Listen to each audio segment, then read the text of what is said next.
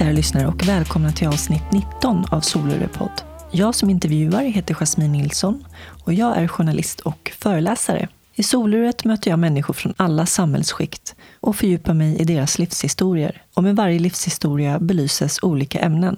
Jag hoppas på att jag med denna podcast kan öka kunskapen och förståelsen för de ämnen som kommer upp med dessa livshistorier.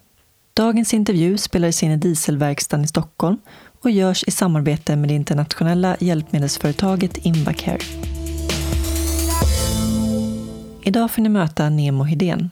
Ni kanske känner igen honom från den skandalomsusade dokusåpan Kungarna av Tylösand eller kanske hans framgångsrika podd Nemo möter en vän. Efter att ha medverkat i dokusåpan och blivit rikskändis över en natt raserade hans liv fullkomligt. Han kände länge ett tomrum som han maniskt försökte fylla med bekräftelse och missbruk. Idag föreläser Nemo om sin resa och om hur han idag lever som nykter och drogfri. Här kommer Nemo.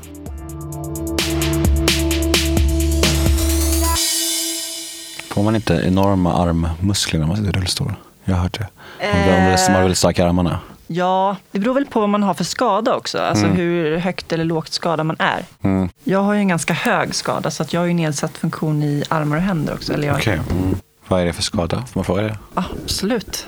Jag, vet, men det är så, jag har ingen aning om, om folk om sånt där är känsligt. Jag vet inte det. Precis som du föreläser en hel del. Så att, Ja men då så. hallå, och sen ska jag höra hur jag låter. Ja, men det har jag sett sett att du gör ju. Mm. Vad sa du? Det har jag sett att du gör. Jag jag har snok, snokat lite Du har grann. snokat lite. Ja. Du har lite koll. Så här låter jag. Hur låter du, Nemo? Hej, jag heter Nemo Hedén. Det låter jättefint. Då är vi klara. Hurra. Kanske ha den lite närmare, va? Yes. Jag borde ju veta liksom hur nära det ska vara. Att, att, Eller det, att det helst ska vara så nära som möjligt. Ja, jag är petig med sånt där också. Ja, det är bra, ska man vara. Jag tycker det är lite läskigt att vara det med folk. Men jag tror att det beror också på hur, eh, hur, vilken gäst man har. Ja. Och hur mycket respekt man har för människan. Och, och Ja. hur, det finns ju vissa gä- gäster som man gärna inte vill liksom så här. Man vågar typ, jag vågar typ inte be dem göra så här, sitt närmare så här och Ja, precis. Alltså, det hänger mycket på hur bekväm man känner sig Ja. med personen i fråga. Det är ju lite riskabelt där, för man vill inte göra gästen nervös. Och kanske lite, lite också inte så avslappnad tänker jag. Mm. Att okej, vadå, får jag, inte, får jag inte vara mig själv? Det kanske är bättre att bara chilla liksom. Ja. Ja, du frågade mig förut vad jag har varit med om. Mm. Jag eh, bröt nacken i en dykolycka när jag var 15 år. Mhm. Från en brygga eller? Ja, Aha. Jag var i Spanien, i Torrevieja. Och så var det riktigt varmt. Det var klockan 12 på dagen, stekande sol och jag ville ta ett dopp. Och jag var ju lång redan då, jag var ju 1,83 och vattnet var ungefär en och en halv meter djupt. Oh, Och då kan man ju föreställa sig Ja. själv vad som händer. Och bryggan var ungefär två meter ovanför vattenytan. Minns du någonting från själva, Ja, jag kommer ihåg allt. du kommer ihåg smärtan och så här? Ja. Hur ont gjorde det? Det är väldigt svårt att beskriva smärta generellt tycker jag. Mm. För det är så individuellt. Men kände du att någonting Men- var knas direkt? Ja, för att jag hade bikini på mig. Så det första jag tänkte var att jag ville fixa till den. Liksom. Mm. Och det gick inte. Det var Nej. helt omöjligt. Från sekunderna att jag slog i huvudet i sandbotten så knäckte jag nacken och blev förlamad. Mm. Hur gammal är du idag? 34. Så du har varit i rullstol mer än halva livet? Det är helt sjukt när man tänker på det. Ja. Helt galet. Ja, det Det är verkligen ett före och efter. Ja, definitivt. Kan du känna ibland att du blir din historia på något sätt? Eftersom jag själv föreläser och jag själv har mycket före och efter så eftersom man pratar så mycket om sin historia. Jag kan tänka mig att du har berättat om den här olyckan tusen gånger liksom. Precis. Blir du, inte, blir du ibland less på det? Att, att liksom bara är samma sak? Eller känner du bara fan det är ändå en privilege att få prata om det? Ja, och det är egentligen jag som ska fråga dig de här grejerna. Jag vet, men det blir ofta så när man intervjuar intervjuare. Jag vet, jag vet. Jag vet när jag har intervjuat så här Peter Jihde och, Christ, Ja, och Christian. Luuk, då bara "Urr." nu gör jag samma sak. Så jag ber om ursäkt för Ja, det. nej, men Men jag är absolut. nyfiken liksom, jag blir nyfiken. Ja, för jag har tänkt mycket på det där. Jag tänkte fråga dig samma sak faktiskt, hur du känner inför det. För samtidigt känner jag att det är en viktig berättelse att få dela med mig av. Precis som jag misstänker att du känner också att Mm. din historia är viktig. Men eh, jag känner att Nej, jag känner nog inte att jag blir trött på min historia. Däremot så är jag rädd för att man ska förknippa mig för mycket med min historia. Mm. Att den stora olyckan, det ska liksom vara en del av min identitet. Mm. Alltså min identitet ligger ju inte i att jag sitter i rullstol och har en ryggmärgsskada. Så det kan jag tycka är lite sådär att det är viktigt för mig att hävda det. Att jag är inte min funktionsnedsättning. Jag är inte min ryggmärgsskada. Men att få träffa människor och dela med sig av sin historia, det tycker jag det ger mig så otroligt mycket. Mm. Just för att man får den där direkta responsen och kontakten med människor. Och, ja, ja, men du vet. Mm. Det är väl lite så du känner också, misstänker jag. Jag, jag pendlar nog fram och tillbaka i där. I perioder kan jag känna att jag eh, som jag också har skrivit på Instagram ganska nyligen, att jag känner att jag blottar mig för mycket. Jag pratar om mig själv för mycket och att det blir som att jag blir helt jag blir som ett öppet sår. Liksom, för att jag inte känner att jag har någon integritet, ingen privatliv. Och jag har känt att det är som min plikt på något sätt. Att jag måste vara den här människan som delar med mig av allt. För att jag, nej men jag, jag tycker väldigt mycket om att, att få inspirera och vara en förebild. Jag, jag älskar det liksom. Men, men ibland känns det som att jag, inte, att jag är helt öppet. Liksom. Det finns ingenting emellan. Och det måste finnas någonting. Det måste verkligen göra det. För jag tror inte att det är sunt att vara helt öppet som ett sår. Liksom. Då, är det väldigt, då är det bara för folk att peta det liksom, om de vill mig illa. Jag jobbar mycket med det just nu eh, med min terapeut. Det är det vi jobbar hårdast med just nu. Att liksom, jag måste bli snällare mot mig själv och hitta någon slags mellanting där. Att ändå fortsätta som jag gör. Och jag älskar att föreläsa och hjälpa och så här, bidra med det jag kan. Men jag måste också hitta någon slags gräns och spärr. För att eh, det viktigaste i mitt liv är ju mina närmsta relationer. Inte att alla vet allting. Så behöver det inte vara faktiskt. Det är en sak om jag föreläser, då gör jag något syfte. Liksom. Men Instagram och sånt där, det spelar ingen roll egentligen. Liksom. Och det är svårt tycker jag, jättesvårt. För jag känner att jag har en plikt gentemot alla andra som kämpar med missbruk. Att jag måste visa för folk att, jag, att det är fantastiskt att vara nykter och jag vill liksom visa upp det. Och, du vet, vara den här hjälten som jag får vara för många. Men jag tror inte jag kan det liksom. Ja, men det kanske är lite att ta i och säga hjälte då, att du tänker mm. mer att du är en förebild. Mm. För det är du ju. Du har ju varit eh, nykter och drogfri nu i 27-28 månader. Ja, bra koll du har. Ja, två, ja, lite över två, ja, två och ett halvt år är det. Är det. Mm. Så det är ännu mer va? 30 månader blir det. Mm. Hur känns det då, när du tänker på det? Det känns eh, som väldigt lång tid. För att det är sådana grova kontraster för hur det var och hur det är idag. Samtidigt så känner jag att jag eh, jag känner mig väldigt trygg i min nykterhet. Jag har ingen längtan tillbaka, jag har ingen eh, sådär, sug på alkohol och droger. Jag kan känna flyktbehov ibland, men då, då i värsta fall blir det liksom att jag käkar två kilo godis. Det är inte bra det heller, men det är bättre än att jag super och knarkar. Liksom. Jag försöker se på det så, att inte vara för hård mot mig själv. Att om jag inte är i balans så kanske jag flyr in i godis eller Tinder eller vad som helst. Men min flyktväg idag är inte alkohol och droger, eller sex för den delen som det var mycket förr också. Det är jag tacksam över och att det är inget alternativ för mig idag att gå den vägen. Jag är jättestolt, jättestolt för jag är såklart. Men det är, så här, det, det, är min vardag nu. Mm. Du vet, I början, är så här, efter två, tre månader, då var det så här, åh, nytt liv, wow, det går att leva nykter och drogfri, vilken grej. Du vet, nu är det bara så här, nu är det ju som vardag. Ja. Det är svårt att bara så här, tänka på hela tiden, bara så här, oh, wow, jag är nykter. Liksom. Men du Nemo, mm. du driver ju en framgångsrik podd som heter Nemo möter en vän, mm. där du intervjuar kändisar. Ja.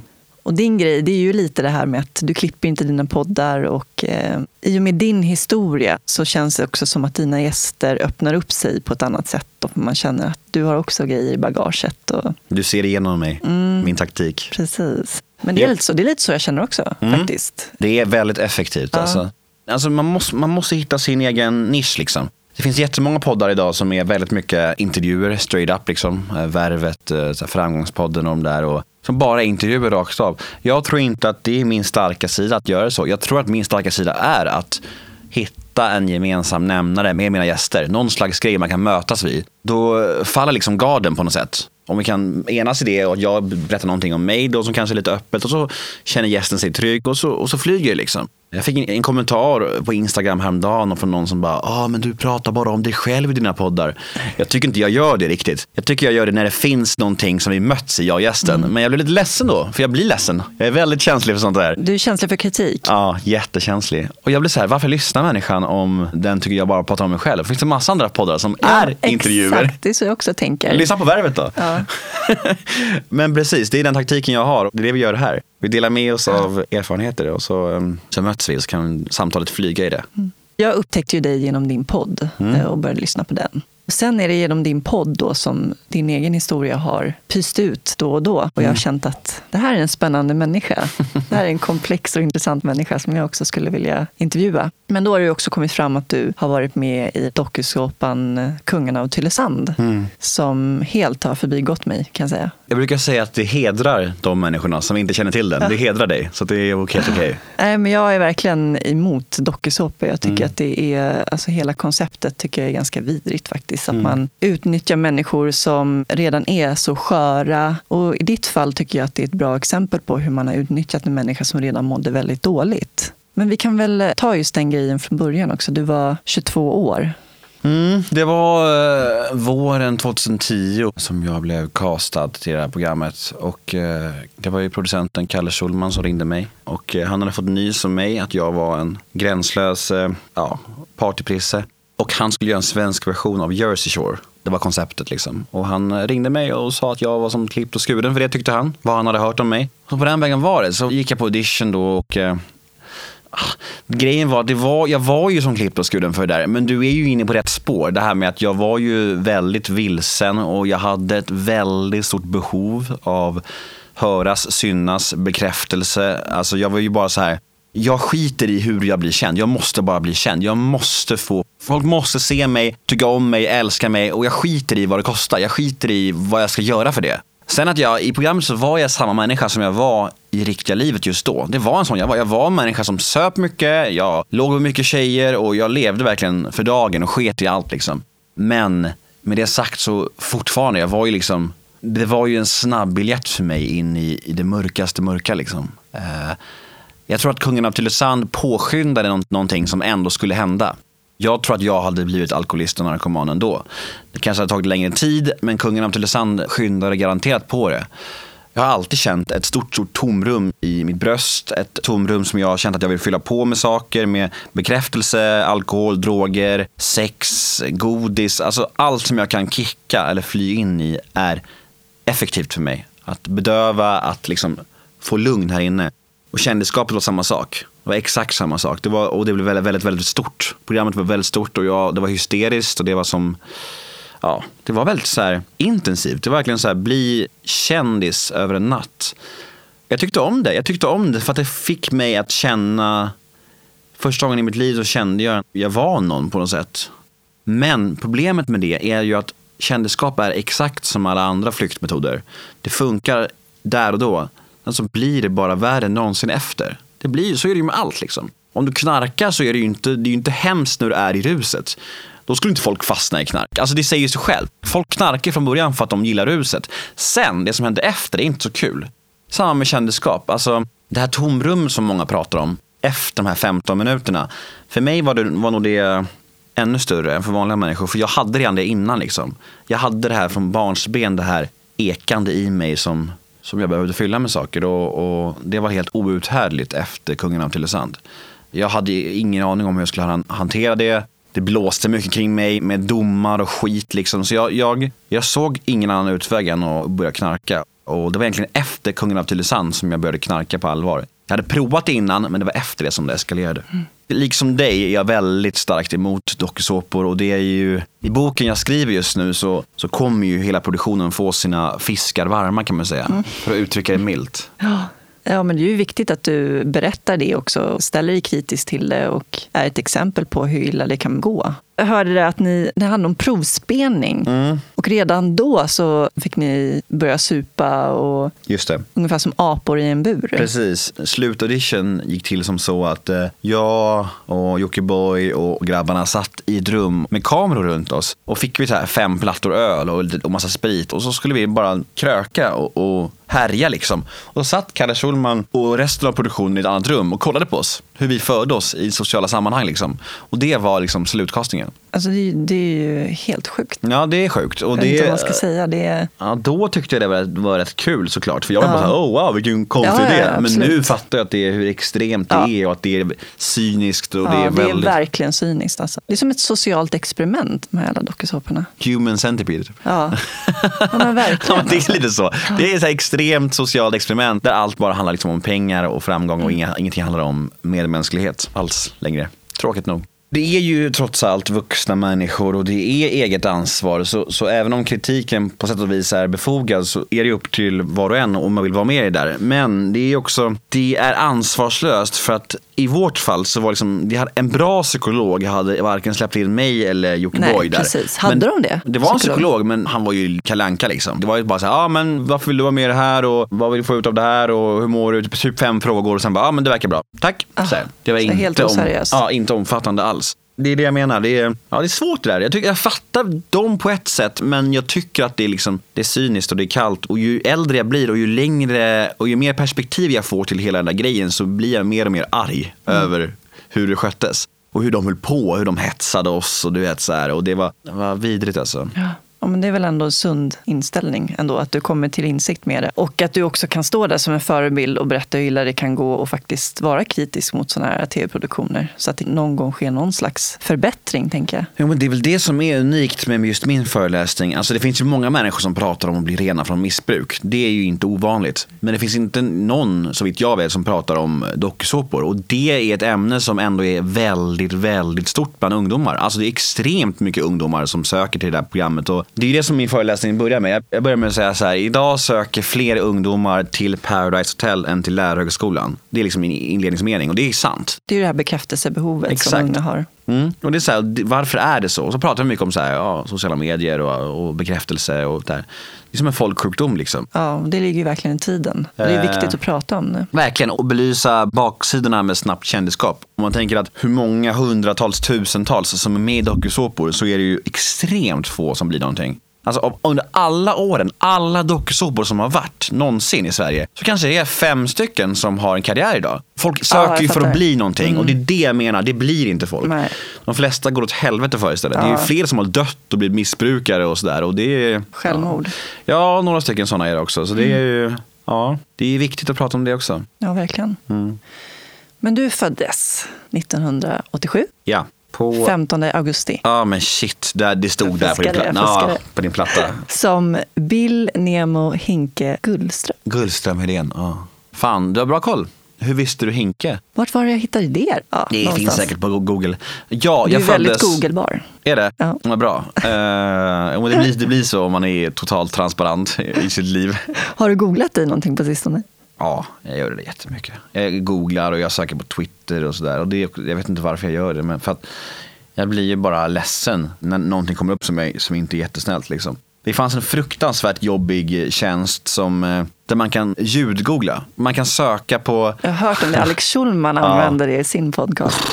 Jag gjorde det. Jag, usch. Åh nej. Ja, hemskt. Det kom alltså upp då alla poddar jag har nämnts i, eller min podd har nämnts i. Så lyssna igenom det. Det är ju självspäkning. Ja, idiotiskt. Eh, Men det var ju mycket bra men också mycket hemskt. Liksom. Men det är så det är. Alltså, alla människor är ju hatade och älskade. Vad fan, Varför skulle jag ha undantag för? Men ändå så tror man så här bara, tänk om jag lyssnar och alla gillar mig. Tänk om.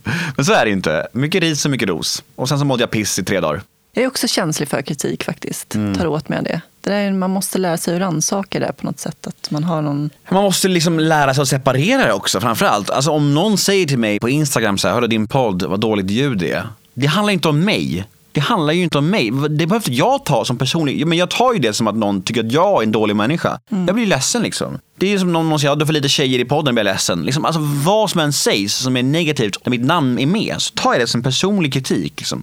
Och det är jättekonstigt, för det handlar ju om att få, de vill ha en viss podd bara. Alltså det är inte om mig liksom, som människa. Men det är ju så, har man stukat självkänsla, har man dåligt själv, att du vet, då är det lätt att komma åt den. Det är väl en livslång process att försöka laga de såren, tänker jag. Ja, precis. Du växte upp i ett kollektiv på Värmdö. Ja, jag föddes på Södermalm i Stockholm och när jag var sex år gammal flyttade vi till Värmdö. Och där bodde vi i ett kollektiv, det stämmer. Vad innebär det att bo i ett kollektiv? Hur ser det ut? Alltså, jag tror att många tror att eh, det var som tillsammans. Precis. Men det är den bilden man har. Eh, Men det var det inte.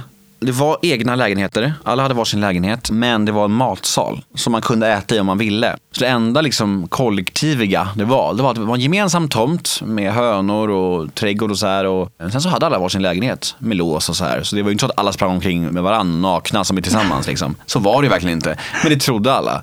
Det var lite ganska, ganska jobbigt minns jag. Och i skolan så sa alla det till mig bara, springer ni runt nakna hemma allihopa eller?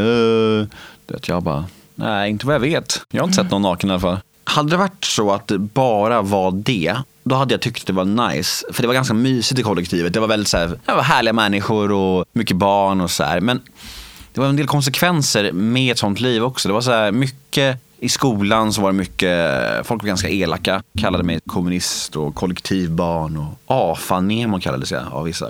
Jag visste inte ens vad AFA var. Jag hade ingen aning om det. Förrän jag blev typ 15-16 år, då frågade min morsa, då sa hon att det var någon så här antifascistisk aktion tror jag.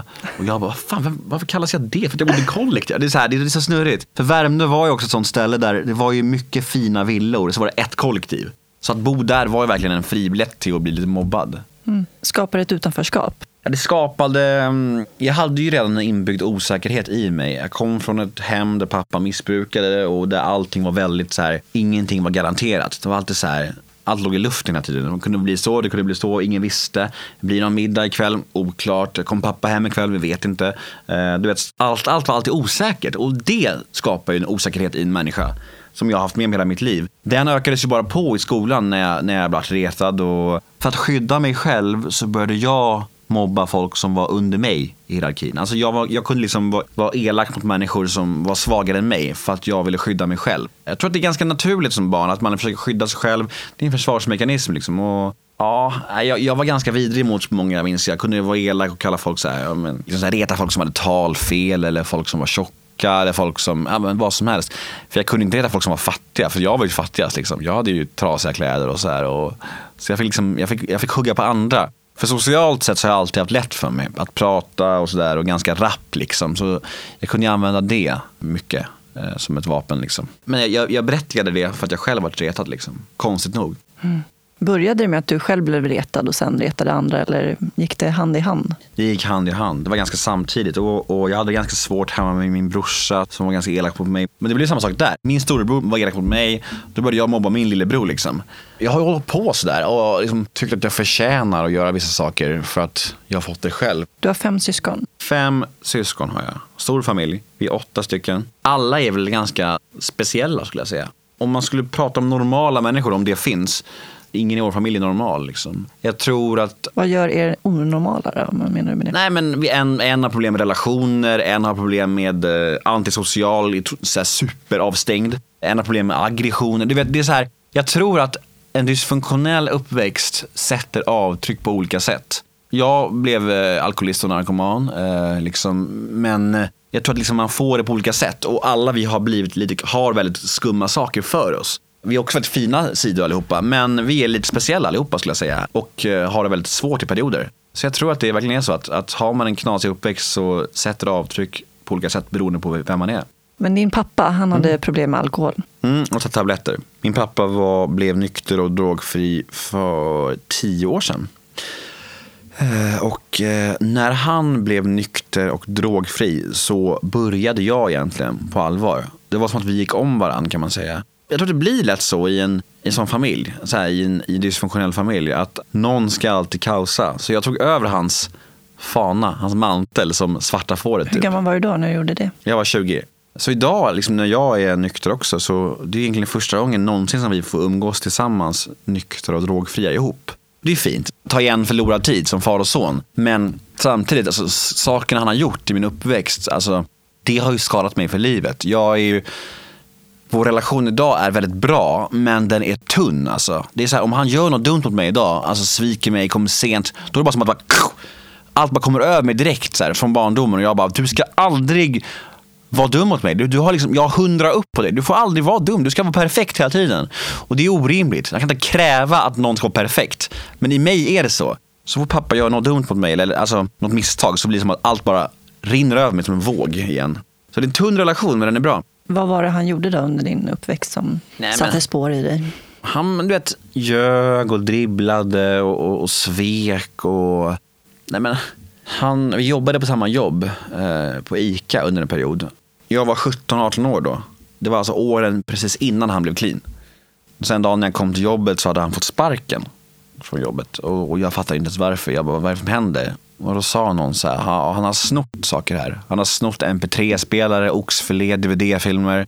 Och jag bara, det kan inte stämma, skulle han aldrig göra liksom. Jag sprang in till största chefen då och bara skrek. Och bara, fan, jag kan inte sparka pappa. Han är jätteduktig, han är jätteomtyckt här. För han var en sån missbrukare som utåt sett så funkar väldigt bra. Men inåt sett var det kaos. Och då sa chefen där bara, ja, din pappa är duktig, han är jättebra. Men han har snott saker här. Och jag har det på film, du kan få se själv om du vill. Han har snott mp3-spelare, oxfilé, dvd-filmer, you name it. Vill du se det? Och i mig var det kaos då, för så här, ena halvan av mig var ju bara så här försvarande, alltså skydda pappa. Och andra sidan var bara så här ilska mot honom. Vad gör han? Hur kan han skämma ut mig så här? Och jag minns att när jag gick ut därifrån och alla de här blickarna från kollegorna, och det var eh, obeskrivligt smärtsamt. Det var så mycket skam i det. Och alla bara pratade, jag såg alla pratade om det och viskade. Och Jag skämdes så jävla mycket för honom då. Mm. Och det är en del sådana där sekvenser från barndomen som har gjort att jag har känt sånt jävla hat mot honom under perioder. Uh, ja, det, det, finns väldigt många liknande historier kan jag säga. Så här. Han har varit full på fotbollsträningar och kört oss fulla i bilen och sådana grejer som jag har varit väldigt arg på. Ja, min pappa han var också alkoholist. Mm. Han lever inte längre. Men jag kan också minnas sådana här eh, tillfällen när man kände att man skämdes så mycket att man bara ville gå under jorden. Mm. Um, och det är svårt, för att föräldrar är ju grund i botten ens hjältar. Liksom. Mm. man, man älskar ju dem oavsett. alltså, man gör ju det. Det är svårt det där, för det, man slåss man emellan så här, skammen samtidigt som man bara älskar dem och vill bara förnekelse också. Man bara, jag vill, det får inte vara så här. Jag vill, det ska inte vara så här. Vad fan. Du vet, alltså jag fattade ju först liksom så här, i 15-16 års ålder varför inga åkte med oss till fotbollsträningar och sådär. Det var ju att pappa alltid var full. Han drack alltid när han körde bil. Och det är så här, jag fattar inte varför det alltid var tomt i vår bil förrän jag liksom var 15-16 år. Det var ju så här, då bara så här, ja just det, det måste vara därför såklart. För det är så här, man blir ju väldigt formad av sin egen uppväxt. Jag trodde ju att alla pappor gjorde det. Det var inte så att jag sa till dem när vi åkte bil, så här, varför dricker du? För mig var det snarare så här, wow vad snabbt han dricker. Oj, oj, oj, alltså min pappa kan dricka ölburkar så himla snabbt när han kör bil. Så var det för mig. Sen när jag blev äldre så fattade jag, det gör ju inte alla pappor. Liksom. Eh, men för mig var det snarare häftigt hur snabbt han drack. Mm. Det är det. Man har ju inget att jämföra med. Det var ju min uppväxt. Eh, mm. Och det är väldigt sorgligt. Hur gick det i skolan då? Alltså inte så bra. Jag var ju väldigt fladdrig i kroppen och ADHD-ig. Hade svårt att koncentrera mig. Jag hade svårt att göra läxor och svårt att intressera mig för någonting. Och så är det än idag. Liksom. Det är så här, om det är någonting som jag brinner för, som podden till exempel, då, då kan jag liksom spela in, som den här veckan, fem episoder på en vecka. Ja, du måste ju bli helt uttömd efter det. Ja, men det blir jag ju. Plus att du blir intervjuad idag också. Ja, men det är det jag menar. Ja, men verkligen. Alltså, jag, jag blir det. Jag har liksom, liksom, liksom podda ikväll. Ja. Och det är vansinnigt egentligen att jag sitter här och babblar. Men, men för mig är det så att det här är det jag kan. Jag, det här är det jag är bra på. Och då är det okej, okay, för det är det jag tycker är kul. Men är det någonting jag inte tycker är kul, eh, då är jag helt ointresserad av det. Alltså jag är totalt eh, frånvarande och kan nog uppfattas som arrogant och så här. Och Ofta är det så att om jag pratar med människor och de börjar prata om någonting som jag inte tycker är intressant, då kan jag bara liksom så falla iväg med blicken och så här. Det är jättehemskt. Det, är verkligen, det blir verkligen ADHD-varning. Men, men, jag har ingen lust att diagnosera mig eller... Alltså jag, är så här, jag är lite matt på diagnosdebatten. Jag är så här, du känner att du kan leva med det oavsett? Ja, jag tycker, ja men precis. Du jag, har jag, verktygen för det. Alltså, det är klart att det ibland sätter käppar i hjulet för mig. Alltså, jag, det är inget kul att uppfattas som arrogant. Det är klart inte det. Att jag är så väldigt rastlös och har svårt att läsa böcker och så här. Det, det, är inte kul. Men de bra sakerna med ADHD, om jag nu skulle prata utifrån den diagnosen som jag kanske har, är ju att jag blir väldigt så här nördig och, och har mycket energi i saker jag gillar. Och då kan jag spela in fem poddar på en vecka och det är, liksom, det är lugnt. Eh, jag vet inte om jag skulle kunna göra det om jag började medicinera. För då kanske det hade varit så att jag har hört mycket om det, att folk förlorar kreativiteten, att det, det kapar liksom topparna och sådär. Jag, jag intresserar mig inte så mycket, om jag ska vara ärlig. Har du inte fått kritik för att du orerar om ADHD fast du inte ens vet om du har det? Nej, det kanske jag får nu. För jag har tänkt på det förr, för jag vet att du har nämnt det tidigare. Mm. Jag tänker så här, ja, men personer som kanske redan har den diagnosen kanske tar åt sig av att du sitter och pratar om det fast du inte är säker på om du har det. Kanske. Alltså, om jag var diagnostiserad ADHD så skulle jag ju vara mer kritisk mot typ så här Viktor Frisk som pratar om det som en superkraft och bara pratar om hur härligt det är. Det hade ju stuckit mer i ögonen. För att ADHD är ju lika mycket jobbigt som det är fantastiskt i sådana fall. Ja, men det är ju en funktionsnedsättning. Ja, men det är klart det är. Det är klart det är det. Och det är så här, jättefint att skriva böcker om hur fantastiskt det är. Absolut, hej och Men samtidigt, alltså, det är ju mer en spark i ansiktet att bara mm. prata om vilken superkraft det är. För jag, jag, tror att jag lider av det mycket och många lider av det mycket. Liksom. Det är ju jättetrist att, nej men alltså, jag, jag har svårt för att fullfölja idéer och jag är så här, jättesuperkänslostyrd och impulsiv och det bara så här flängig bara överlag. Och jag, jag har fyllt i ett papper en gång på en läkare, ADHD-papper. Jag hade högsta på alla frågor. Så jag har ju förmodligen det, men jag har nog ingen lust att göra en utredning tror jag. Skulle det inte vara skönt att ha det svart på vitt? Mm, ja, men jo, kanske. Jag har tänkt på det mycket, men jag tänker att även om jag hade det så skulle jag inte vilja medicinera. Det är det. Nej. Att bara få det, vad skulle det ge mig? Visst, lite svar. Mm. Varför har jag varit som jag är? Absolut. Men för framtiden, vad skulle det ge mig då? Liksom, det blir ingen förändring ändå. Det kanske finns andra verktyg än medicinering, jag vet inte. Ja, men det finns det väl. KBT och grejer. Som... Det sa faktiskt min terapeut. Han sa det här om dagen att Ja. han tycker att jag borde göra en, ut, en utredning. Ja, det tycker jag också. Ja, du ser. Jag tror att du skulle tycka att det var skönt. Jag tror det. Ja, kanske. Ganska nice också med en diagnos. Men jag gillar ju också lite det här att jag, alltså det som jag gillar med mig gillar jag väldigt mycket. Samtidigt som jag är otroligt matt på mig själv i olika avseenden. Så det är så här, Vad gillar du med dig själv? jag gillar att jag är, är, har mycket energi och att jag oftast är glad och att jag upplever att jag är väldigt kul att hänga med. Att jag sprider glädje bland folk och så här och tror att jag har ett gott hjärta liksom och vill människor väl och sådär. Och, och jag gillar att jag, att jag gör avtryck hos människor. Folk brukar säga till mig att jag är någon som de kommer ihåg sen och det tycker jag är väldigt, väldigt fint. För jag, jag vill vara en människa som folk kommer ihåg. Det spelar ingen roll egentligen men jag har ett behov av att göra någon, om en liten skillnad, men någon slags avtryck i historien. Alltså du vet, minimalt, men någonting. Jag vill inte gå igenom livet bara och, och vara som alla andra. Jag vill ha lite knorr på det. Det är ju kanske en bekräftelsegrej, ja kanske, men so be it. Men jag har ändå behov av att, av att göra avtryck på människor. Och jag tycker att, eh, och jag är glad när folk säger att jag gör det. Vad gick du för gymnasium? Jag gick media, jag skrev. Skrev mycket redan då. Jag har alltid skrivit mycket. Jag tror inte många vet det om mig, men jag har alltid haft skrivandet nära till mig. Därför eh, gör jag den här boken själv. Jag fick frågan om att ha en spökskrivare, men jag kör själv. Och det känns häftigt faktiskt. Så jag är stolt över det. Jag är ungefär halvvägs med det. Och eh, Det är, det är ett svårt arbete. ja, det är fan alltså. Har du skrivit? Ja, jag har skrivit en självbiografi. Ja, det är ju...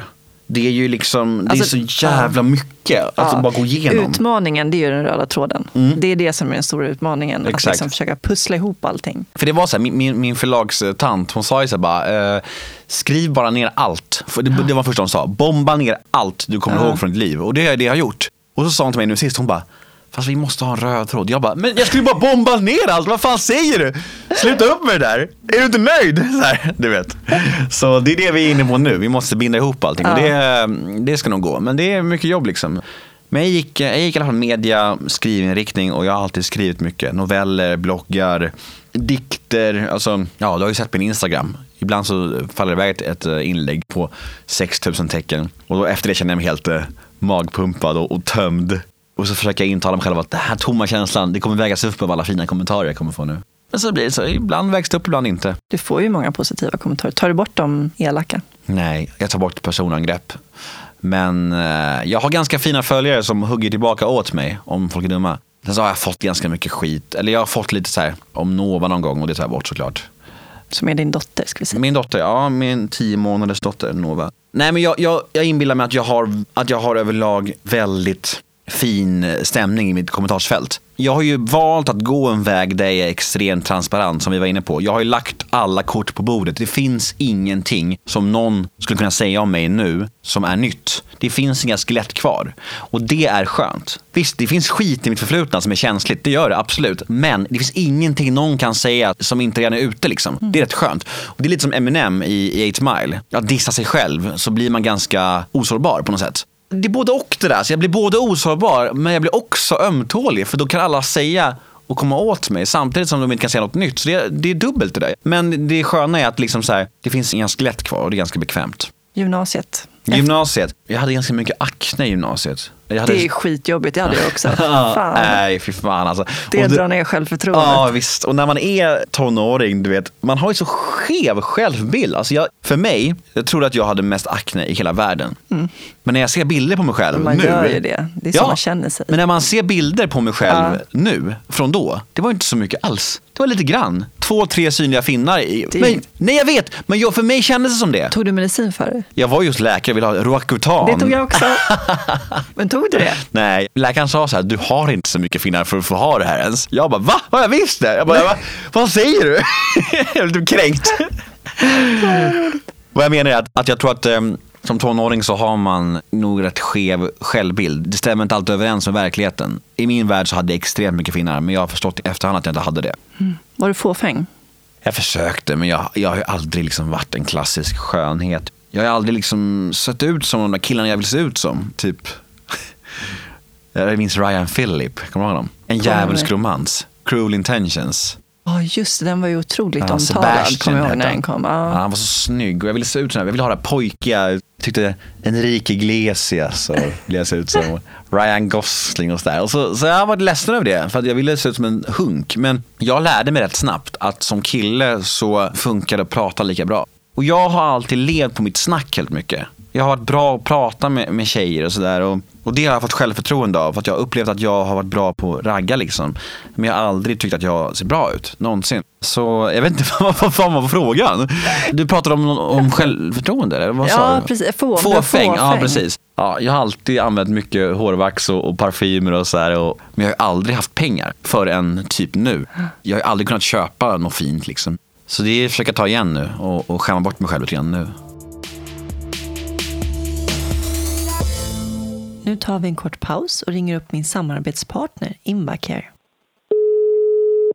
Invacare, Christer Nyqvist. Tjenare Christer, det är Jasmin här från Soluret. Ja, hej. Hej! Christer, kan du berätta vad du gör för någonting på Invacare? Du är Key Account Manager. Jag jobbar ju lite utanför boxen kan man säga, med mera konsument och privatmarknaden. Sen jobbar jag också med offentliga miljöer, med flygplatser och hotell och Ikea och sjukhus, nya KS till exempel. Och jag jobbar mycket med Scandic Hotel där man börjar med både rullstolar och även elskotrar. Så att vill man se lite hur det ser ut utanför hotellet då kanske man inte klarar av att flytta sig längre sträckor och gå ner till köpcentrum och sånt där. Då lånar man en skoter av hotellet då. Det är ju kanon. Så det är väldigt nytt i Sverige. Så Scandic ligger väldigt långt fram i det här med tillgänglighet.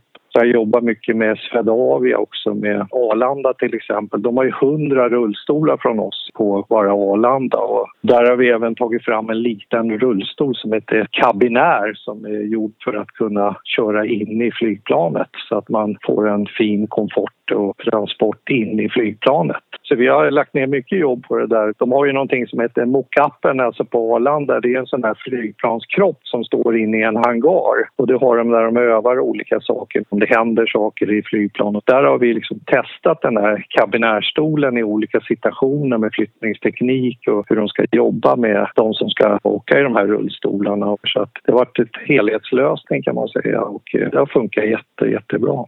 Tack så jättemycket för samtalet. Ja, tack själv. Så får du ha en fortsatt fin dag. Tack detsamma. Det önskar jag dig också. Tack så mycket. Hej då! Hej då! Men nu efter gymnasiet och tiden där innan eh, Kungarna av Tylösand, Mm. vad gjorde du då? Ströjobb, eh, jobbade på Telenor Express, åkte runt i Sverige där. Festade en hel del. Jag eh, var med om en väldigt hemsk tågolycka där en nära vän till mig dog. Det hände en del grejer och pappas missbruk eskalerade och det var väldigt Men vänta lite här nu, tågolyckan, berätta om den. Mm. Jag vet inte vad jag ska säga. Eh, Det var jag och eh, sex kompisar som hade varit och käkat middag i ute, ja det är fan här krokarna, eller lite längre ut, i Saltsjöbaden. Skulle vi gå till tåget efter och eh, alla gick upp på perrongen utom den sista killen som hette Johan och han var väldigt full och han eh, blev kvar på spåret tills tåget kom. Och när tåget kom så trodde vi att han skulle gå under perrongen. Det gick väldigt snabbt, alla var väldigt fulla. Men han gick aldrig under perrongen, han stod kvar och blev rammad liksom. Jag höll honom i handen när han blev rammad. Fy. Ja, han flög ut i skogen och eh, dog på plats. Han andades ut minns jag. När jag sprang fram till honom och eh, jag minns att hans högra ben var uppe över vänstra axeln. Och hans näsa var så här, har åkt ner en bit. Och jag minns att jag eh, sa så här, Johan, Johan, vad händer? Så här, och han bara, "Eh." och då minns jag att jag trodde att det var att han levde. Men jag förstod i efterhand att det var bara så här luft som lämnade kroppen. Som det blir när man dör liksom. Hans sista andetag. Exakt, luften ska alltid ut. Eh, och det var det som hände där. Ja, liksom. Men det är ju ett stort trauma Ja. att vara med om. Det är det. Det ska ingen behöva vara helst. Eh, Men det är folk. Och det var jag. Och det är... Om man ska hårdra det så är ju en av alla konsekvenser jag haft genom livet av alkoholen. Liksom. Det hade ju aldrig hänt nykter. Han var ju pissfull alltså.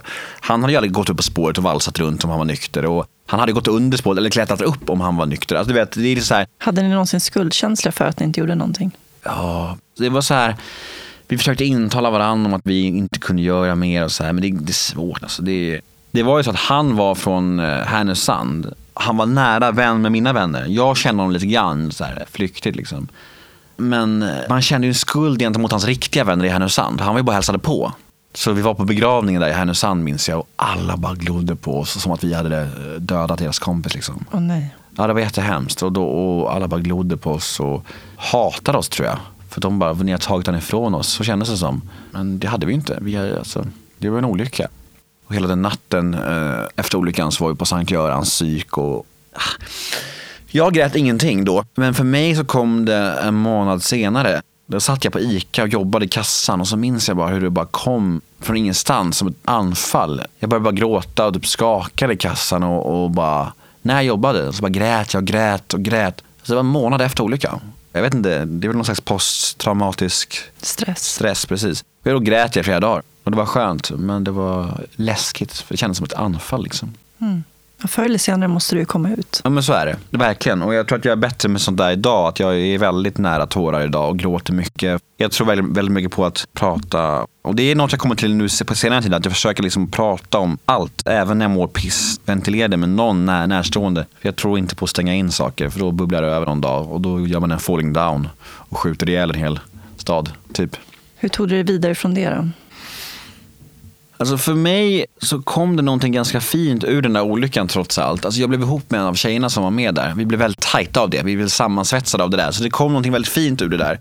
Sen så går livet på liksom. Det är det så jävla märkligt med sånt där. Att, att hur vi människor, när vi är med om saker så lovar vi oss själva att nu ska vi ändra perspektiv och nu ska vi vara snälla mot varandra och fina med varandra. Och så bara går det lite tid och allt blir som normalt ändå. Alltså tiden gör ju det. Det slätar över allting liksom. Och så var det med olyckan. Det var jättesorgligt, jättehemskt. Men, men det var, blev ingen större förändring i mig. Jag hade önskat att jag sa så här, åh jag fick så mycket perspektiv och det blev en annan människa och började uppskatta livet och hej och Men det är så vart det inte. Det tror folk, att man förändras otroligt mycket. Men eh, när de ringde till dig och frågade om du ville vara med i den här uh, Kungen av Tylösanden. då var jag nere i- Då är du på Sunny Beach ja, i. Bulgarien. Levde rövare. Och Bulgarien för mig, alltså jag var turist i Sunny Beach 2007. Åh, Så länge sedan, jag får ångest nu.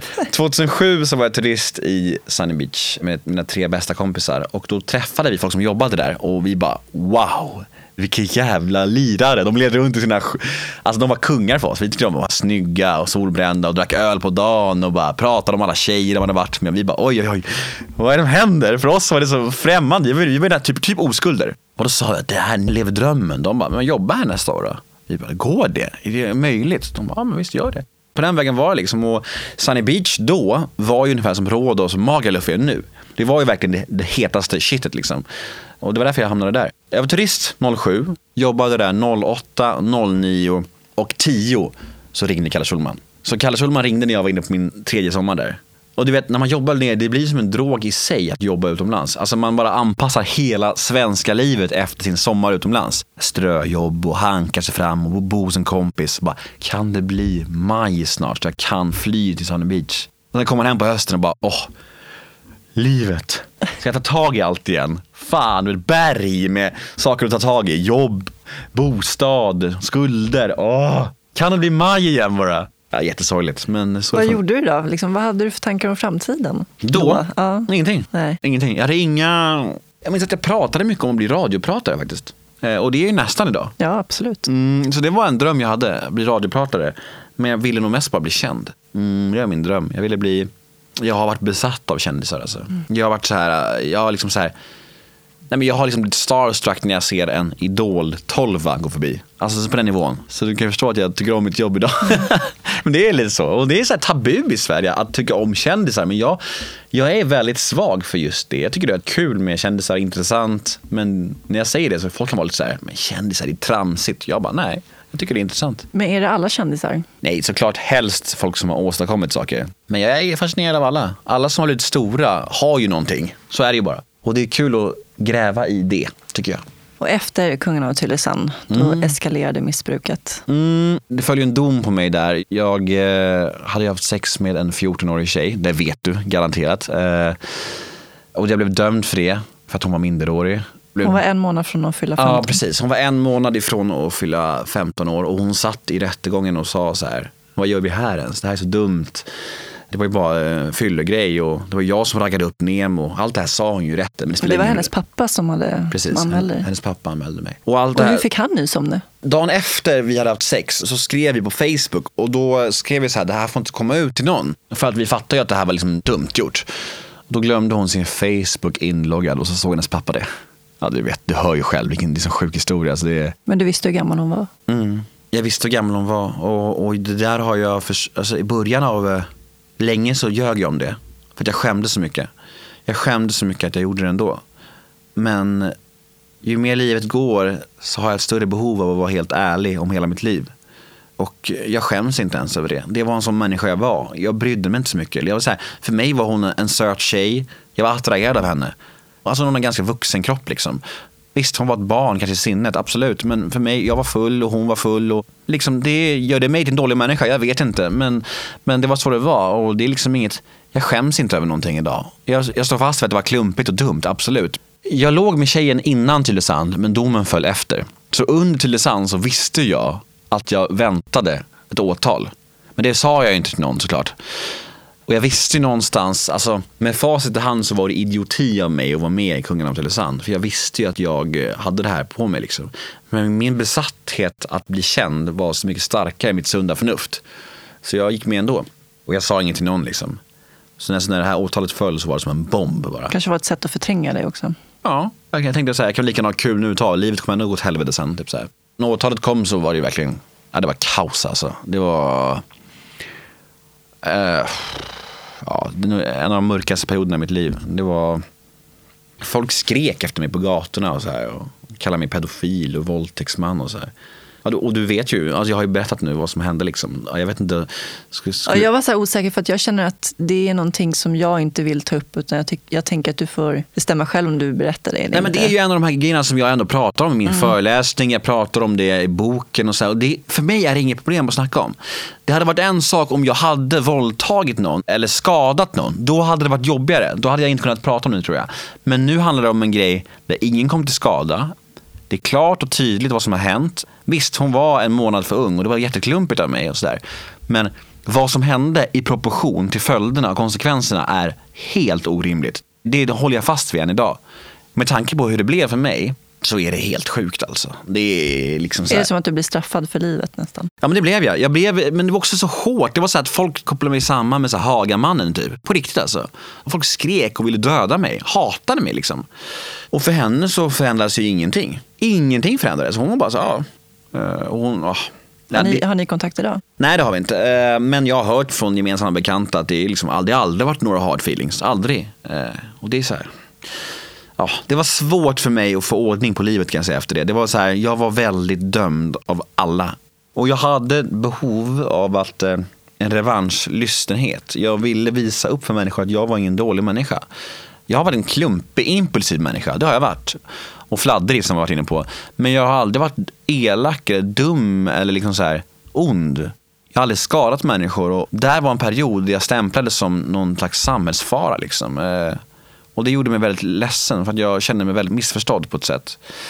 Jag försökte intensivt styra upp mitt liv. Jag tog jobb, alla jobb jag fick. Det var inte många kan jag säga. Men jag fick många jobb där jag liksom gick all in. Jag minns jag kunde jobba som sopgubbe till exempel. Och där var jag en, två, tre månader och skötte mig fläckfritt. Och alla där bara, ah, men fan du är punktlig, bra energi, fan du kommer få fast anställning här. Sen så börjar ordet gå där. Någon säger till någon, men det är ju han. Det är han med den här sexdomen. Han kan vi inte ha kvar. Får jag sparken? Och så var det på tre eller fyra jobb under bara två, tre års tid. Att jag började där, skötte mig fläckfritt och gjorde mitt bästa. För jag var så driven av den här revanschlysten. Liksom. Jag ville bara visa att jag, att, jag var, att jag var bra. Jag kunde någonting. Jag var ingen dålig människa. Och så bara började ordet gå. Snacket. Det är han, den där jävla strulpellen som lägger med den där 14-åriga tjejen. Äh, fy fan, han lägger med, han lägger med ett barn. Han måste jag bort. Så bara sparken igen. Och vad tror du det gör med en människa? Alltså för mig var det så här, varför ska jag ens försöka för? Vad fan ska jag försöka? Jag, jag har ingen chans ändå. Jag är ju dömd, jag kan inte göra någonting. Och det var mycket det jag knarkade på, uppgivenhet. Alltså liksom så här, vad fan, jag har ingen chans ändå, jag kan lika gärna knarka. Och det var lite, så jag kände, så jag knarkade ju ner mig helt. Mycket på uppgivenhet och sorg och frustration. Jag visste ju någonstans då att jag måste bli min egen chef. Jag kommer aldrig kunna bli anställd någonstans, för det här kommer alltid bita mig i röven. Och look at me now. Jag brukar inte, brukar inte tänka mycket på revansch och sånt här. Men när jag snackar om den här historien så känner jag lite att ibland kan jag känna att jag vill gå till den här jävla, du vet, sopgubbarna och bara säga så här, fuck you. Liksom så här. Det kan kännas som jävla småsinthet i det där. Och, men samtidigt så, folk som bara såg domen eller bara såg en rubrik i Aftonbladet, de såg ju bara Nemo Hedén eh, åtalad för sexuellt utnyttjande av barn. Och hur låter det? Det låter ju helt sjukt. Jag kan inte klandra dem heller, liksom, såklart. Men jag önskar bara att folk kunde liksom läsa på lite, forska lite, alltså någonting. Men det var liksom så här, jag bara hade, dörren bara stängdes. Jag hade ingen chans. Ingen chans någonstans. Den här mörka perioden då med missbruk som du hamnade i. Mm. Hur var den? Som sagt, i början så gjorde drogerna ganska mycket för mig. Jag kände någon slags bra rus. Jag kände mig bedövad på ett sätt som jag behövde. Jag kände att jag slapp den här verkligheten som hade, som hade blivit. Jag fick inte behålla något jobb. Nej men det var bara så här, jag, jag var en dömd man och, och, det var liksom så här, det var en tillvaro som inte jag var så glad över. Och att fly in i substanser blev effektivt för mig. Men droger är ju lite som så att när man kan sluta så vill man inte. Men när man vill sluta så kan man inte. Så var det för mig. Jag hade kul på droger ett tag. Men sen när det, ruset började försvinna och jag bara började må mer och mer dåligt, då var jag fast istället. Mm. Då kunde jag inte sluta. Vad tog du för droger? Allt uppåt. Eh, mycket internetdroger, det var min grej. Eh, jag höll på med mycket så här RC-droger, så här research chemicals. För att det, så här, det var lagligt och det tilltalade mig mycket. Jag kunde köpa det och jag kunde åka fast och det hände ingenting. För att det var så här ah, skum grej, RC-droger alltså. Men det var det jag höll på med. Jag sålde också minns jag en period. Jag har aldrig varit för mycket för nedåt-droger, det var liksom aldrig min grej. Jag ville vara uppe i flera dagar helst. I slutet var det så. Då, då var det så att jag kunde hålla på i tre, fyra dygn utan sömn och utan mat. Tills jag liksom eh, tuppade av av ut, utmattning. Ganska farligt kan man ju tycka. Det som gör skillnaden på mig och en vanlig människa är nog att när jag stoppar i mig när jag tar en lina av någon substans så vill jag bara ha mer direkt. Jag har ett merbegär som är väldigt starkt. Det gör mig till en beroende människa. Jag har kompisar som kan ta en lina på nyår liksom och säga ja, det är bra nu, det var kul att festa nyår, nu går jag och lägger mig. Det har aldrig jag kunnat. Liksom. Tror du att det kan vara genetiskt? Pappa har nog gett mig mycket. Jag har gått han i spåren på många sätt. Ja, vad var vi? Du pratade om perioden. Jo, men det var mörkt liksom. Och det... Du fick psykoser också. Mm. ja, ICA-historien. Ja. Ska jag berätta ja, den? Ja, gör det. Jag har ju dragit den hundra gånger, men den är ganska signifikativ med hur det såg ut sista året i mitt missbruk. Alltså, jag bodde ihop med en tjej på Södermalm. Hon var ganska medberoende kan man säga. Hon hade någonstans accepterat hur jag var. Hon gick till jobbet, klockan var halv nio på morgonen, det var en tisdag minns jag. Och jag satt i köksbordet och knarkade. Jag hade liksom varit vaken i tre dagar. Hon var ju kär i mig liksom, hon var ju starkt medberoende så hon var ju bara såhär, ja, uppgiven. Hon gick till jobbet och jag satt i köket med min flaska, vodka och mina internetdroger. Och dammade i mig lina och sen så bara hörde jag hur min stereo blev mörkare. Jag, jag tror jag lyssnade på Maroon 5 och, det, och sången blev så här. Och jag fattade ingenting. Jag blev livrädd. Jag bara, vad är det som händer? Alltså, vad, vad är frågan om? Så jag gick ut i tvn i vardagsrummet och, och satte på. Där var det How I Met Your Mother på. Och då var det samma sak där. Rösterna var mörkare liksom. Jag blev eh, rädd, förvirrad och, och gick ut på gatan. Det var mars minns jag. Det var snö. Jag gick ut i mjukisbyxor. Jag sprang till lokala ICA. Så skrek jag till tjejen i kassan så här, du måste prata med mig. Jag måste höra om din röst är mörk eller ljus. Hon kollade på mig som att jag var eh, sinnessjuk. Det var exakt det jag var också. Ja. Helt fucked up.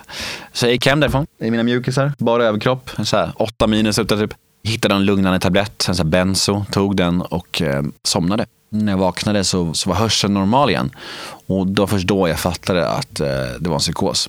Hade jag fastnat i det där tillståndet, då hade jag nog tagit mitt liv tror jag. Mm. Det går inte att leva sådär, det var fruktansvärt läskigt. Och efter det så kan man ju tänka sig, ja men det där kanske borde fått Nemo att lugna ner sig, att söka hjälp. Nej, jag tror det tog två dagar innan jag söp och knarkade igen. Och det är beroendesjukdomen för mig i ett nötskal. Att liksom det spelar ingen roll, konsekvenserna spelar ingen roll. Om jag får sova lite och äta lite och vila upp mig lite så provar jag igen. Liksom. Nu kanske det går bättre. Den här gången ska det gå bättre. Men sen kom det en vändning mm. och det var när du fick gå på en behandling. Precis, jag var, det var augusti 2015 så eh, fick jag frågan av en kvinna. Jag hade gått, börjat gå på så lite, lite tolvstegsmöten då. Och det var en kvinna där som sa så här till mig. Eh, du verkar ha det lite kämpigt. Du kanske skulle åka, behöva åka på behandling. Det finns ett nytt behandlingshem utanför Norrköping och de har en plats ledig. Det kommer kosta 150 000 sen men du kan få vara i prövokullen och få det gratis. Och jag eh, tänkte först så här behandling? Jag? Lite kränkt nästan. Jag bara, fan. Det är så här. Men då frågade jag mina nära och kära och alla sa ju samma sak. Alla bara, åk för fan. Vad har du att förlora på det? Vad har du att förlora på en behandling? Och just de orden etsar sig fast i mitt huvud. Vad har jag att förlora på en behandling? Alltså, mitt liv är ju fucked up ändå. Panikångest, missbruk, domar, kronofogden. Du vet, en behandling gratis i en månad. Vad har jag förlorat på det? Men jag åkte iväg på behandlingen och eh, gjorde det liksom 110 procent jag mådde piss när jag åkte iväg. Alltså. Jag var så jävla trasig. Jag minns att jag satt i bilen till behandlingen och bara skakade och svettades och grät. Och pappa och mamma körde mig minns jag tillsammans och mamma grät också. Och jag kände mig som en jävla förlorare. Alltså. Jag kände mig så jävla dålig och, och, och kände som att jag gav upp. Men det, i missbruk så är ju att ge upp i nyckeln. Liksom. Mm. Att ge upp beroendesjukdomen, det är nyckeln till att tillfriskna.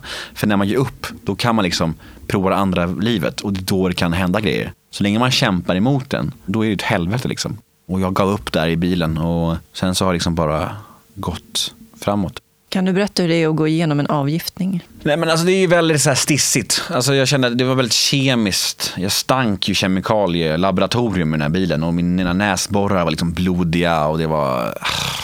Jag var ju eländig alltså. Eh, och mm, jag var extremt paranoid. Alltså jag var så här, när jag kom till behandlingen så, så kunde jag komma in i ett rum där det satt folk och jag bara skrek till dem. Pratar ni om mig här eller? Vad, fan, vad säger ni om mig? Så här, helt, eh, du vet, skev. Och så där är det. Alltså, innan eh, substanserna har lämnat kroppen. Alltså, jag var helt skev alltså. och, och skör som tråd. Liksom. Så det var inte jättekul. Vad var du mest rädd för inför att bli nykter och drogfri? Att bli ensam. Jag var jätterädd för att bli ensam utanför. Jag var jätterädd för att livet skulle vara slut. Att jag aldrig mer skulle ha kul. Och det är också helt skevt. För att jag tänkte så här att, att bli nykter och drogfri, nu är festen över. Nu är festen över. Men du hör ju mina historier. Alltså, sitta och ensam knarka på en tisdag morgon i kallingar och svettas. Alltså, det, var, det var min fest. Ändå så resonerar jag som så att om jag lägger av, då är festen över. Det är så jävla skevt. Hur man har byggt upp allting i sin skalle.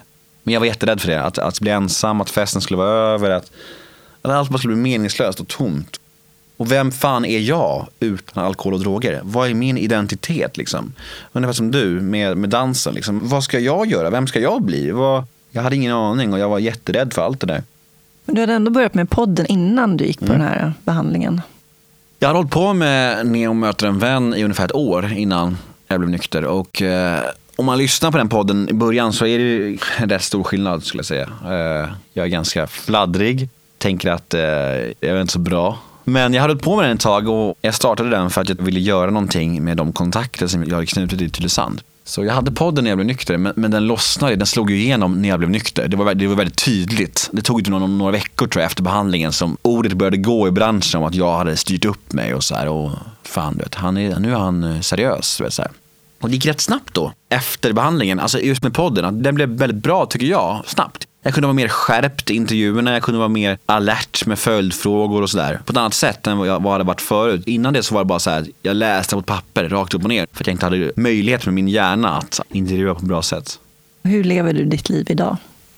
Jag poddar, släpper avsnitt varje måndag. Jag är väldigt produktiv i det och eh, tycker att jag är bättre än någonsin faktiskt. Om jag ska vara ärlig. Jag tycker att det, jag har hittat min eh, grej. Jag skriver en självbiografi som kommer ut i höst. Som handlar om allt jag pratar om just nu. Jag föreläser då och då, kanske en gång i månaden ungefär. Jag eh, har en tio månaders dotter som jag försöker vara med så mycket jag hinner. Och jag är väldigt aktiv i tolvstegsprogrammet. Jag hjälper många unga killar ur missbruk, försöker hjälpa, liksom, försöker finnas för dem. Och det är väl mitt liv just nu. Jag trivs väldigt bra med mitt liv. Jag, jag inser att jag eh, är väldigt privilegierad. Jag lever min dröm i mångt och mycket, faktiskt. För det är ju så här, jag försörjer mig på min hobby. Det är väl allas dröm egentligen. Och jag kommer ihåg när jag var på behandlingshem så bad terapeuten mig att skriv tre drömmar du har tre mål med ditt liv och jag var helt tom. Jag var helt förstörd. Jag, bara, jag har inga drömmar. Jag kan aldrig lyckas med någonting. Och då sa han så här, men kom igen, tre drömmar. Har du någonting i huvudet? Tänk nu. Jag bara, okej. Okay. Ett, få in pengar på podden. Två, föreläsa för ungdomar. Tre, skriva en självbiografi. Får jag göra alltihop så är det väldigt fint. Vad är det bästa med att vara pappa? det är att det är så jävla, det är så jävla häftigt bara. Det är så mycket kärlek och det är, alltså att vara pappa är det största, det mest hedrande och ärofyllda uppdraget jag har fått i mitt liv. Kärleken och lyckan man får känna av att vara förälder är starkare än allt knark jag någonsin har provat.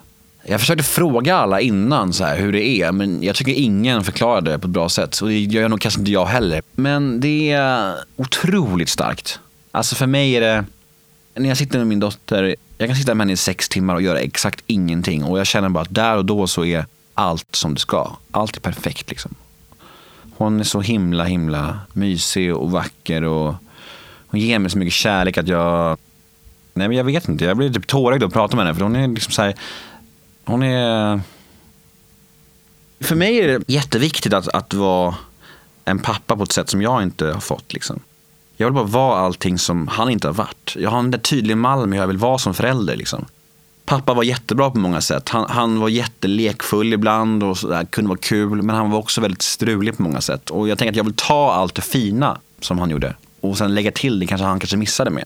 Och jag vill liksom vara konsekvent, ärlig, någon att räkna med, pålitlig och ge min dotter liksom en stabil självkänsla och en trygghet så att hon ska slippa bli som jag. Hon ska slippa bli en sån människa som ständigt söker yttre kickar och bekräftelse. Och hon ska inte ha det här tomrummet i sig, hon ska slippa det. Hur är det med tomrummet idag? Alltså det finns ju kvar, men eh, det är mindre än någonsin. Och eh, jag har effektiva medel emot det idag. Alltså, när jag får hjälpa andra killar i tolvstegsprogrammet så känner jag att det är ett väldigt effektivt sätt mot mitt tomrum. Det är det effektivaste sättet, när jag får hjälpa andra med samma problem som jag. Och jag tror att flyktbeteenden och sånt där kommer alltid jag ha. Som jag var inne på, jag kommer alltid ha behov ibland när jag inte är helt i balans att fly in i saker. Men så länge jag flyr in i godis eller Tinder eller, eller innebandy eller, eller spelar in fem poddar på en vecka så är det bättre än att fly in i alkohol, droger och, och destruktivt sex. Liksom. Tomrummet finns kvar men det är hanterligt på ett annat sätt idag. Och det kommer nog alltid finnas kvar. Ärren från första åren i livet, de tror jag att de går inte att få bort, men de går att hantera. De går att få ett annat synsätt på. Handskas med på ett annat sätt, men de kommer alltid finnas kvar. Vad innebär det för dig att vara människa? Jag har en helt annan syn på det idag än förut. Förut var min syn på det lev för dagen och maxa dagen och du vet så här, och all in. Det var meningen med livet. Men nu är det en helt annan syn jag har på det. Nu är meningen med mitt liv att ta ansvar. Ta ansvar är viktigt tror jag. Och eh, medmänsklighet eh, och mod och våga liksom.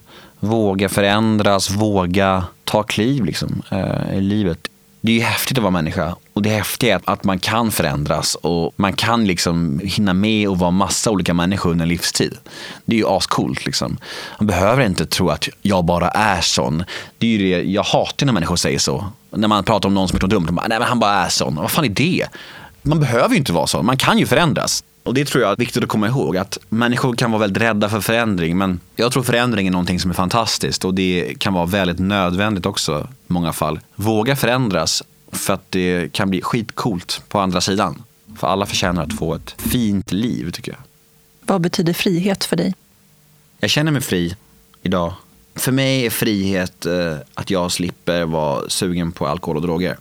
Jag känner mig fri att åka var jag vill i världen och eh, jag behöver inte vara en slav. Jag behöver inte tänka så här, hur ska jag få in de här pillerna genom tullen? Har de någon bar på flygplatsen? Du vet, det här jävla ständiga jävla dribblandet liksom. Eh, lura folk och du vet så här, geggan av lögner, skulder, ständiga jävla skiten.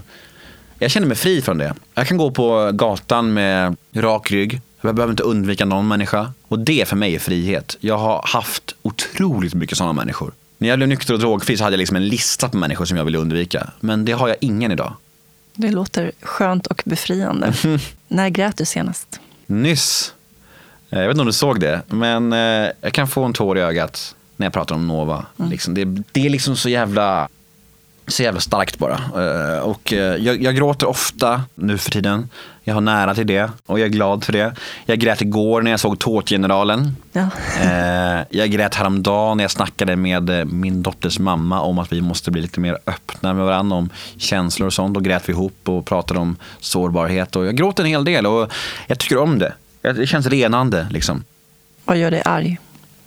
Dömande människor. Ja, det är väl det. Jag, jag har svårt för det. Jag kan bli ledsen när folk fortfarande ser mig som någon slags ser mig som jag var förr. Liksom. Det händer det fortfarande. Och visst, jag får ju väldigt mycket kärlek överlag. Men samhället kan inte vara svart eller vitt. Det måste finnas en gråzon. Det måste finnas utrymme för diskussioner i alla angelägenheter. Det gör mig rädd när folk bara, när det blir så svart eller vitt. Det känns så dömande och hårt på något sätt. Och det, du frågar vad som gör mig arg. Och det är väl när jag känner mig dömd. Det gör mig väldigt arg. Vad gör dig lycklig? Jag känner en väldig lycka efter en bra poddinspelning. Jag känner mig väldigt lycklig när jag är med min dotter. Jag känner mig väldigt lycklig när Bayern gör mål. Jag känner mig väldigt lycklig när jag spelar innebandy. Jag känner mig väldigt lycklig när jag får snacka med ungdomarna efter mina föreläsningar. När folk säger att jag har motbevisat deras fördomar. Det gör mig lycklig. För det är ofta folk säger det. Bara, ah, jag hade en viss bild av dig efter Tylösand och hej och hå.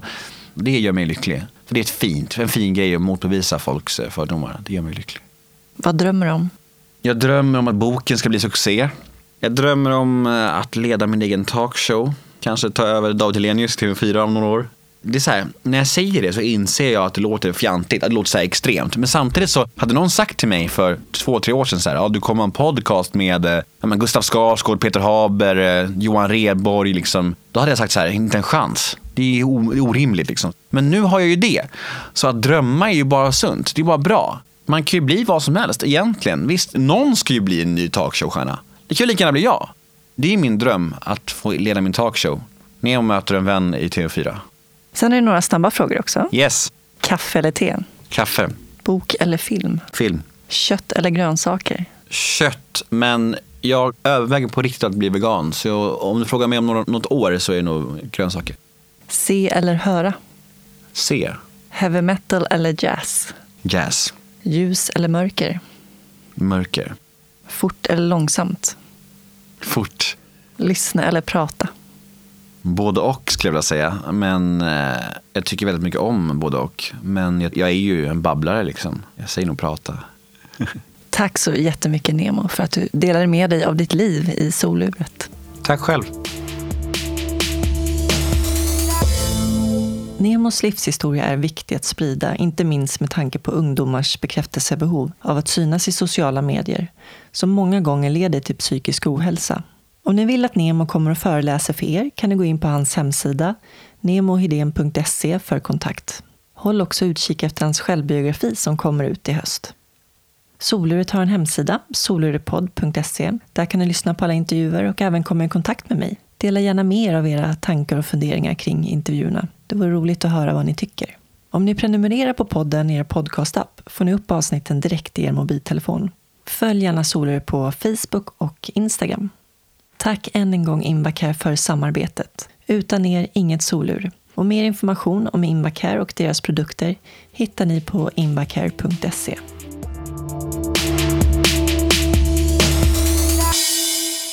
I nästa avsnitt får ni möta min vän, Sandra Signarsdotter. När Sandra var nio år gick hennes pappa bort i skelettcancer, vilket har kommit att prägla henne hela livet. Hon växte upp i ett kristet hem, så existentiella frågor om livet och döden har alltid varit närvarande. I 20-årsåldern fick Sandra en efterlämnad väska tillägnad till henne från sin pappa. Det hon fann där i var långt ifrån vad Sandra hade hoppats på.